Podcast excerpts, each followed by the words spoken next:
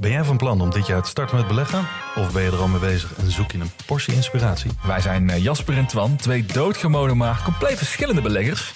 En iedere donderdag vertellen wij in onze podcast de lange termijn over onze beleggingsreis, onze lessen en met name onze fouten. En dat allemaal op een eh, vermakelijke en een langdrempelige manier. Alsof je met ons in een kroeg staat. Met een whiskytje erbij. Lekker. Dus luister eens naar onze podcast De Lange Termijn.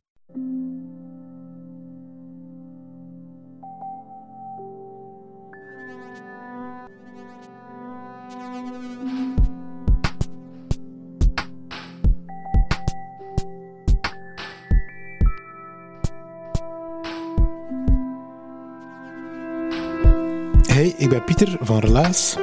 In Relaas hoor je waargebeurde verhalen en die worden altijd verteld door de mensen die ze zelf hebben meegemaakt. We gaan luisteren naar een verhaal over de dood. Het wordt verteld door Lisbeth. Lisbeth heeft gelukkig de dood nog niet zelf meegemaakt, maar zeg nu zelf, vroeg of laat komt iedereen in contact met de dood. En dan zijn er verschillende manieren om die gevoelens die daarbij komen een plaats te geven. Lisbeth die wou er heel graag een moment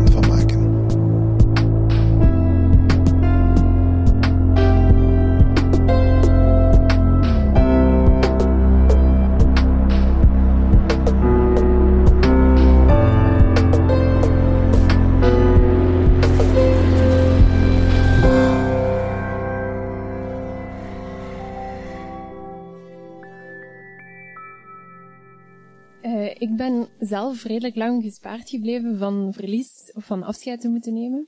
Ik heb daar wel veel over gehoord, over gezien en over gevoeld in mijn kindertijd.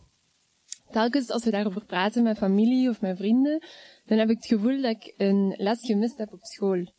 Dat de les over hoe dat je afscheid moet nemen, hoe dat je dat moet doen, iemand verliezen, dat ik daar net niet was. Iedereen heeft goed opgelet en ik was daar net niet, ik heb dat gemist.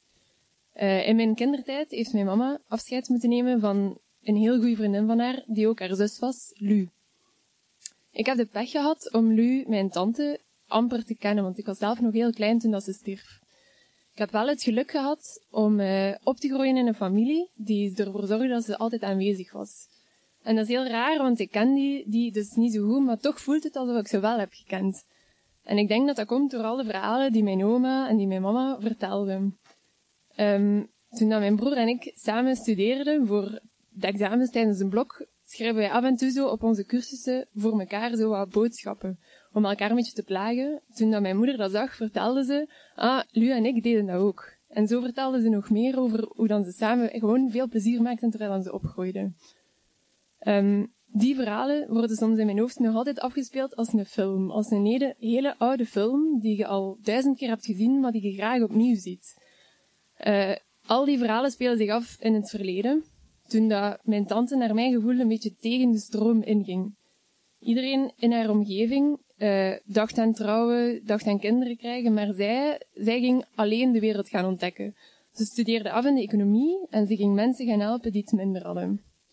Uh, dat waren lange reizen, die was soms jaren weg. En dat waren ook wel soms niet altijd veilige reizen, dus die maakte veel avonturen mee haar ongeluk waarin dat ze stierf gebeurde dat toen dat ze net veilig terug in Gent was, op de fiets onderweg naar het Hinkelspel, een winkel, waar dat ze dus nooit aankwam. Op dat moment moesten mijn familie en haar vrienden afscheid nemen, heel plots.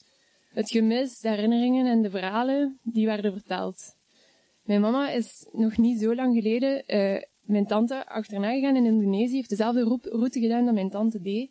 En op dat moment heb ik haar een boekje gegeven, omdat ik dacht dat dat misschien zou helpen om uw verhalen en uw herinneringen te kunnen opschrijven, dat dat iets tastbaar wordt. Het is pas nu dat ik zelf weet hoe dat is om afscheid te moeten nemen, dat die verhalen eigenlijk echt heel belangrijk zijn. Dat dat een beetje noodzakelijk is. Uh, ongeveer een jaar geleden heeft mijn oma zelf beslist dat het tijd was om afscheid te nemen door euthanasie. Um, ik begreep dat met mijn gezond verstand. Uh, zij was op, zij, um, zij had eigenlijk al lang afscheid genomen. Um, en als je zelfstandigheid en je eigen denkvermogen zo hard voelt achteruit gaan, begrijp ik dat dat frustrerend is. Dat is een principe waar ik achter stond, achter euthanasie. En daarom was ik ook zo teleurgesteld in mezelf. Dat mijn principe blijkbaar was, ja, voor euthanasie, maar niet met mijn oma. En de gedachte van, ja, maar wil ze dan niet nog deel zijn van ons leven en wil ze niet weten wat er met ons nog gaat gebeuren, die gedachte kon ik ook moeilijk wegrationaliseren. Um, op het moment dat um, mijn oma afscheid moest nemen op de dag dat ze stierf, heeft ze enkel gedaan met haar kinderen. Um, de rest, een deel van de familie zat bij ons thuis om koffie te drinken. En ik weet nog als ze dan langskwamen dat ik vroeg aan mijn mama, en hoe was dat nu, om, hoe was dat afscheid? En zij vertelde van ja, maar ze heeft eigenlijk geen afscheid genomen, of bijna geen afscheid genomen. Ze was een beetje boos en geërgerd omdat een dokter te laat was. En, uh, en ze heeft er amper woorden en vuil gemaakt. Dus misschien zit het wel ergens in degene het niet zo goed afscheid kunnen nemen, niet weten hoe dat dat moet. Um, als ik mijn oma zelf begon te missen, heb ik heel vaak gedacht van oma, hoe heb jij dat gedaan? Want zij heeft haar dochter verloren, maar ook nog een zoon en haar man.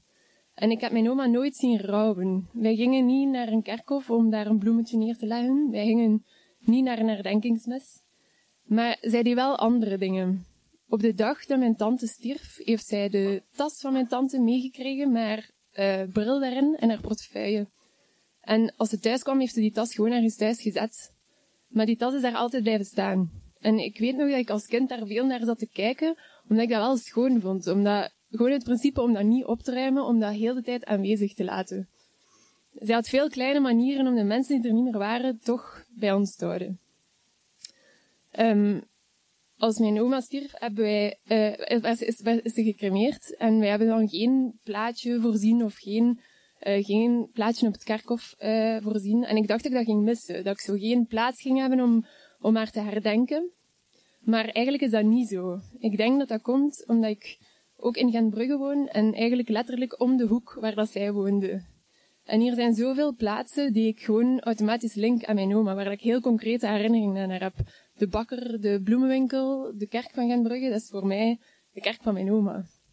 Um, ik vind het heel waardevol om op onverwachte momenten te moeten denken aan haar en te beseffen hoeveel invloed dat die eigenlijk heeft op mij, op wie dat ik nu ben. Um, ik heb ook thuis, uh, wij hebben ook thuis een kast staan van mijn oma. En uh, in het begin vond ik dat heel raar, want dat is niet mijn kast en dat staat plots in ons huis. Dat was de kast van mijn oma. Daar lagen haar kruiswoordraadsels op, haar een telefoon stond daarop. Dat was een heel belangrijke kast. Wij keken daar ook altijd naar. Um, en plots stond die bij mij, dus dat klopte niet. Maar ondertussen ben ik daaraan gewoon en is die eigenlijk ook zelfs deel van mijn dagelijkse routine. Uh, en eigenlijk vind ik dat nog het belangrijkste. Niet de foto die op die kast staat, misschien ook wel die foto, maar vooral de dingen die haar persoon zo maakten. Omdat dat ook de dingen zijn die ik het meeste mis. En ik vind dat heel tof om te merken in uw dagdagelijks leven dat, dat die dingen er toch nog zijn, of er er toch minder niet meer zijn. Um, een beetje kort daarna um, hoorden wij met vrienden, vrienden van het middelbaar, dat er een van ons zes, van ons groepje vrienden, uh, er gestorven was, Linde. Um, op het moment zelf uh, was dat schrikken, was dat weer afscheid te nemen, weer de vraag hoe moet ik dat doen. Um, weer een foto erbij op de kast, een kaartje erbij, om toch maar te tonen dat je aan die mensen denkt. Um, onze groep van het middelbaar is een, uh, is een vast vriendengroepje. En um, soms vind ik het raar om te merken dat wij ook allemaal ouder worden. Want wij kennen elkaar al super lang. En wij hebben nog altijd dezelfde humor. Wij doen nog altijd even onnozel als veel vroeger. Uh, wij lachen om grapjes die, denk ik, niemand kan begrijpen die, dan, die daar dan niet bij was. En uh, het was raar om te merken dat voor Linde dat dat ouder worden, dat dat niet zo evident was. Zij voelden zich daar eigenlijk niet zo goed bij. En zij nam ook een beetje afstand van ons. Uh, zowel letterlijk, zij is een tijdje naar Spanje verhuisd, maar ook figuurlijk. Ze was helemaal niet meer betrokken bij ons. De dag dat ze stierf, heeft, ons, heeft haar mama ons verteld, uh, Linde had het gevoel dat ze zichzelf niet meer kon zijn en wou dan er liever niet meer zijn. En als ze zei, als Linde Linde niet kan zijn, dan is er liever niet. Ik weet nog dat we dan allemaal dertig werden en dat, dat wij dat heel lastig hadden met het idee dat Linde voor altijd 29 zal zijn. En los van de gesprekken die wij nog altijd hebben van hadden we iets kunnen doen, hadden we iets anders moeten doen, uh, was er ook onmiddellijk de reflex van ja, we willen die wel echt niet vergeten. En dan denk ik altijd, hoe mooi dat zou zijn, moest er ergens spontaan een lichtje aanschieten, telkens als je aan iemand denkt die je verloren bent. Zodat je weet van elkaar dat je aan die persoon denkt. Uh, mijn lief is van Deerlijk en heeft een aantal jaar geleden uh, redelijk wat vrienden ineens verloren uh, van Deerlijk. Van daaruit is het idee van Revij ontstaan en ook daardoor was hij heel snel om te zeggen, ja, ik doe daar aan mee, ik ga daar dat, dat project mee ondersteunen, ik ook en nog een paar vrienden. En ik weet nog als we bezig waren over het idee van Revij, dat ik dacht van ja, dat is het, op één moment allemaal samen een lichtje aansteken om te laten zien dat je aan die persoon die je verloren bent, dat je daaraan denkt. Ik vond dat heel mooi. Het was dan ook heel tof om te merken dat jaar na jaar dat dat project altijd maar groter werd. En dat veel mensen zich daar dan blijkbaar in herkennen. Um, ik weet nog goed dat ik op een bepaald moment op de dag zelf nog heel snel boekjes moest brengen van hier naar Deerlijk voor, voor Revij. En ik moest me heel hard haasten, dus ik loop met die boeken naar, naar mijn auto. Ik doe mijn auto open, ik leg dat op de achterbank. Ik zet mij de motor aan, waardoor dat de radio ook onmiddellijk aanziet. En ik hoor dat Revij een uh, item is op het nieuws. En ik denk, allee, wij zijn ze dat, die een pitch, allee, dan ze dat hebben meegenomen. En in al mijn haast ik ineens en ik zie in, de, in mijn spiegel de kerk van Genbrugge. En ik denk alleen maar, mijn oma had het zo tof gevonden. Dat was het relaas van Lisbeth. Ze heeft het verteld op 1 november in open lucht. Stel je voor, op het kerkhof van Gent-Brugge. We werkten toen samen met Revij. Revij brengt woord en muziek op begraafplaatsen waar normaal gezien alleen de stilte spreekt. En dat elk jaar op 1 november bij Valavond. Stel je voor, dus heel veel kaarsjes, valavond, een kerkhof, wat guur weer en dan um, ja, hartverwarmende verhalen.